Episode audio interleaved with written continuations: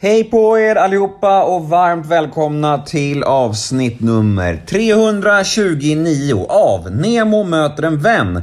Ja, mitt namn är Nemo Hedén och det är jag som rattar spakarna i denna intervjupodcast. Veckans gäst är önskad av många och han är verkligen en riktig favorit även för mig. Jag pratar givetvis om den synnerligen älskvärde Claes Malmberg. Detta är ett podmi exklusivt avsnitt, vilket betyder att det ni kommer att få höra här nu hos mig är ett litet smakprov. En teaser om man så vill. Liten brasklapp för att ljudkvaliteten eventuellt är lite, lite sämre från och med halvvägs in i veckans avsnitt. Det var nämligen så att eh, minneskortet tog slut halvvägs in i inspelningen så jag fick banda andra halvan via min iPhone. Men jag hoppas inte skillnaden på ljud blir för märkbar för er lyssnare. Och vill ni höra episoden i sin helhet, ja då behöver ni gå in på podme.com eller ladda ner podme appen. Men vad är då Podme kanske vissa av er fortfarande undrar? Jo, Podme är en tjänst som släpper exklusiva och reklamfria avsnitt från några av Sveriges största och bästa poddar. Som till exempel Fördomspodden, Rättegångspodden, Schulman Show, Daddy Issues Återföreningen med Torsten och Rickard Flink. Ja, listan kan göras lång. Och allt detta för en liten, liten slant i månaden. Men vet ni vad det allra, allra bästa är? Jo, första månaden hos Podmi är helt gratis. Så gå in nu och testa gratismånaden hos Podmi. Testa den nu idag och få tillgång till allt detta godis som jag nyss nämnde. Ni vill inte missa det här. Och sen kan ni helt enkelt utvärdera efter gratismånaden om det var någonting för er. Ja, jag heter Nemo Hedén på Instagram. Följ mig gärna där, då blir jag superglad. Ni kan alltid mejla mig på gmail.com Ja, det är kul när ni skickar mejl och önskar gäster och allt vad ni nu gör. Jag uppskattar mycket när ni hör av er. Den här podden den klipps precis som vanligt av LL Experience AB som bland annat gör Göteborgspodden. Men nu är det slutsnackat. Nu tycker jag att vi drar igång detta.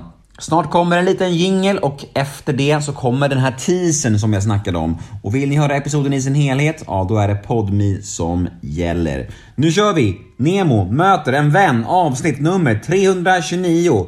Och här kommer han, Claes Malmberg. Men först, en jingel! Nemo är en kändis, den största som vi har. Nu ska han snacka med en kändis och göra någon glad. Ja! Nemo, ja det är Nemo. Nemo möter en vän. Claes Malmberg är och hämtar sitt snus. Kan man ha en tydligare snusaura än Claes Malmberg? Jag hade blivit djupt förvånad och lite besviken om han inte snusade. Jag sa just det till mina lyssnare här att eh, jag hade blivit förvånad om du inte snusade. Hade du det? Du har en snusaura kring dig. Ja, det har jag nog. Men jag, det, är ju sånt, det är ju inte riktigt. Jag tror många tror, skulle kunna tänka mig då få fördomar om mig själv. Ja. Så tror jag att många skulle tänka att det var att det var som lössnus. Ja. Ja, absolut. Det är det inte. Nej, nej. Det är Nej. sådana tepåsar så det är lite fejksnus. Ja, ja. Så är det. Så då krossas ändå fördomen en gnutta fall? Ja, det gör den. Alltså, Ja. så. Jag tror jag har räknat ut ungefär vilka fördomar som folk eventuellt skulle kunna ha om mig. Låt höra. Eh, Att jag är bullrig, alltså i privatlivet. Att jag är, eh, har någon slags eh, machostämpel på mig, tror jag jag skulle kunna tänka mig. Det fördom. Eh, vad ska väl kunna finnas mer? Eh, att jag alltid ska hävda min rätt. Att jag är väldigt tydlig i alla mina åsikter. Då pratar vi privat och sådär. Och att jag kanske är någon slags auktoritet. Sådär. Vad tycker du sanningsvärdet i de här fördomarna då? Noll skulle jag vilja säga. Som privatperson så är det noll. Alltså, eh, jag är ingen särskilt auktoritär förälder till exempel. Så jag är rätt imponerad av mina barn att de har blivit så väluppfostrade som de är. Men i mångt och mycket så är det ju deras mödrar och de själva som har uppfostrat sig så att säga. Jag har inte... Eh, vad ska jag säga? Jag har inte... Jag har väldigt svårt att säga till mina barn saker och jag har väldigt lätt för att säga ja till alla deras begär så att säga.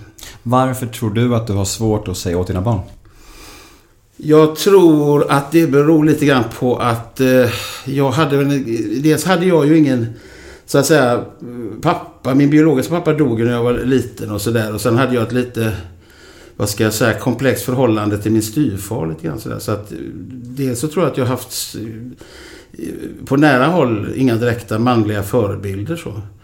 Eh, Utan jag har liksom haft mer kvinnliga förebilder och jag säger inte att det är därför jag har så, så svårt för att säga till mina barn. Men det här med familjeliv och sådär tror jag liksom, jag har fått lära mig det efterhand lite grann. Så även om vi hade familj och hade en god relation till min mamma och sådär. Så att jag hade liksom ingen svår uppväxt på det sättet. Men, men lite, jag har vissa handikapp tror jag när det gäller eh, att uppfostra barn.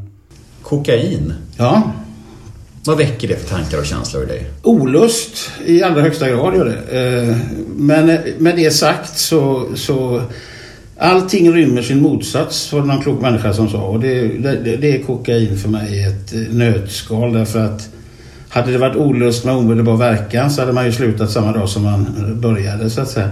Problemet med, med en drog som kokain det är ju det att och det kan ju låta hemskt men alltså så lycklig som jag var den dagen jag tog kokain första gången.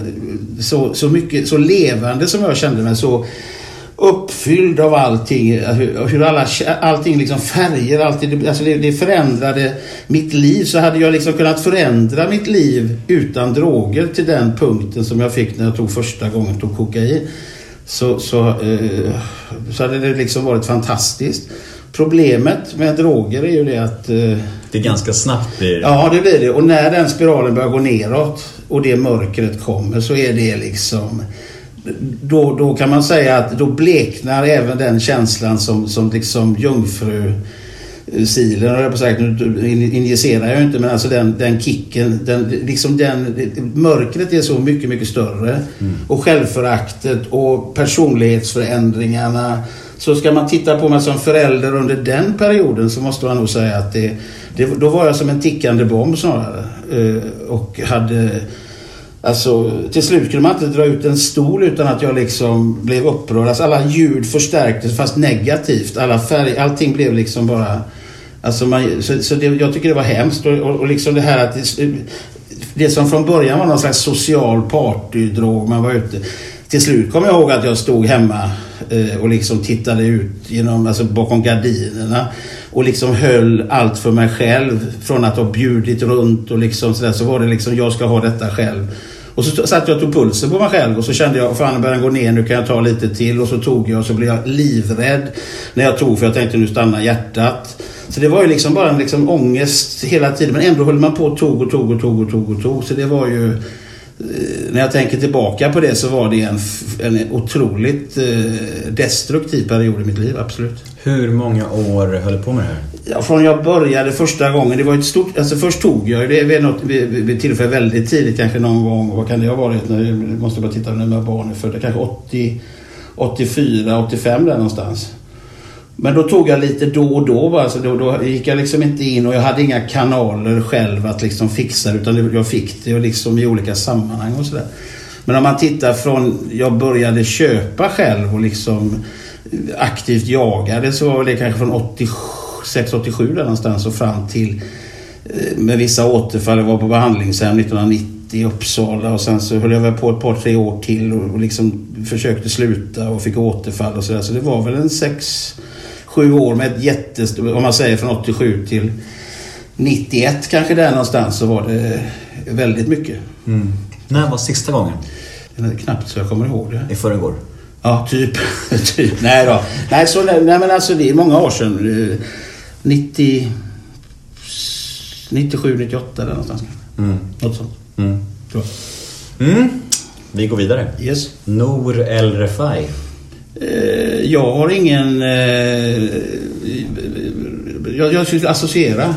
Nej men alltså, eh, jag har ingenting emot Nour Refai överhuvudtaget. Eh, jag tycker hon är en alldeles utmärkt skådespelerska och verkar vara en trevlig person. Den kritik som jag riktade mot Nour Refai det var ju att det var ju bara det att hon och Henrik satt och blåljög om en person som jag känner i sin podd.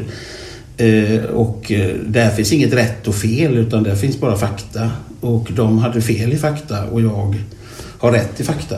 Och sen när vi har, och jag menar, det bevisar ju att de har aldrig svarat eller försvarat sig, vilket jag tror är väldigt klokt.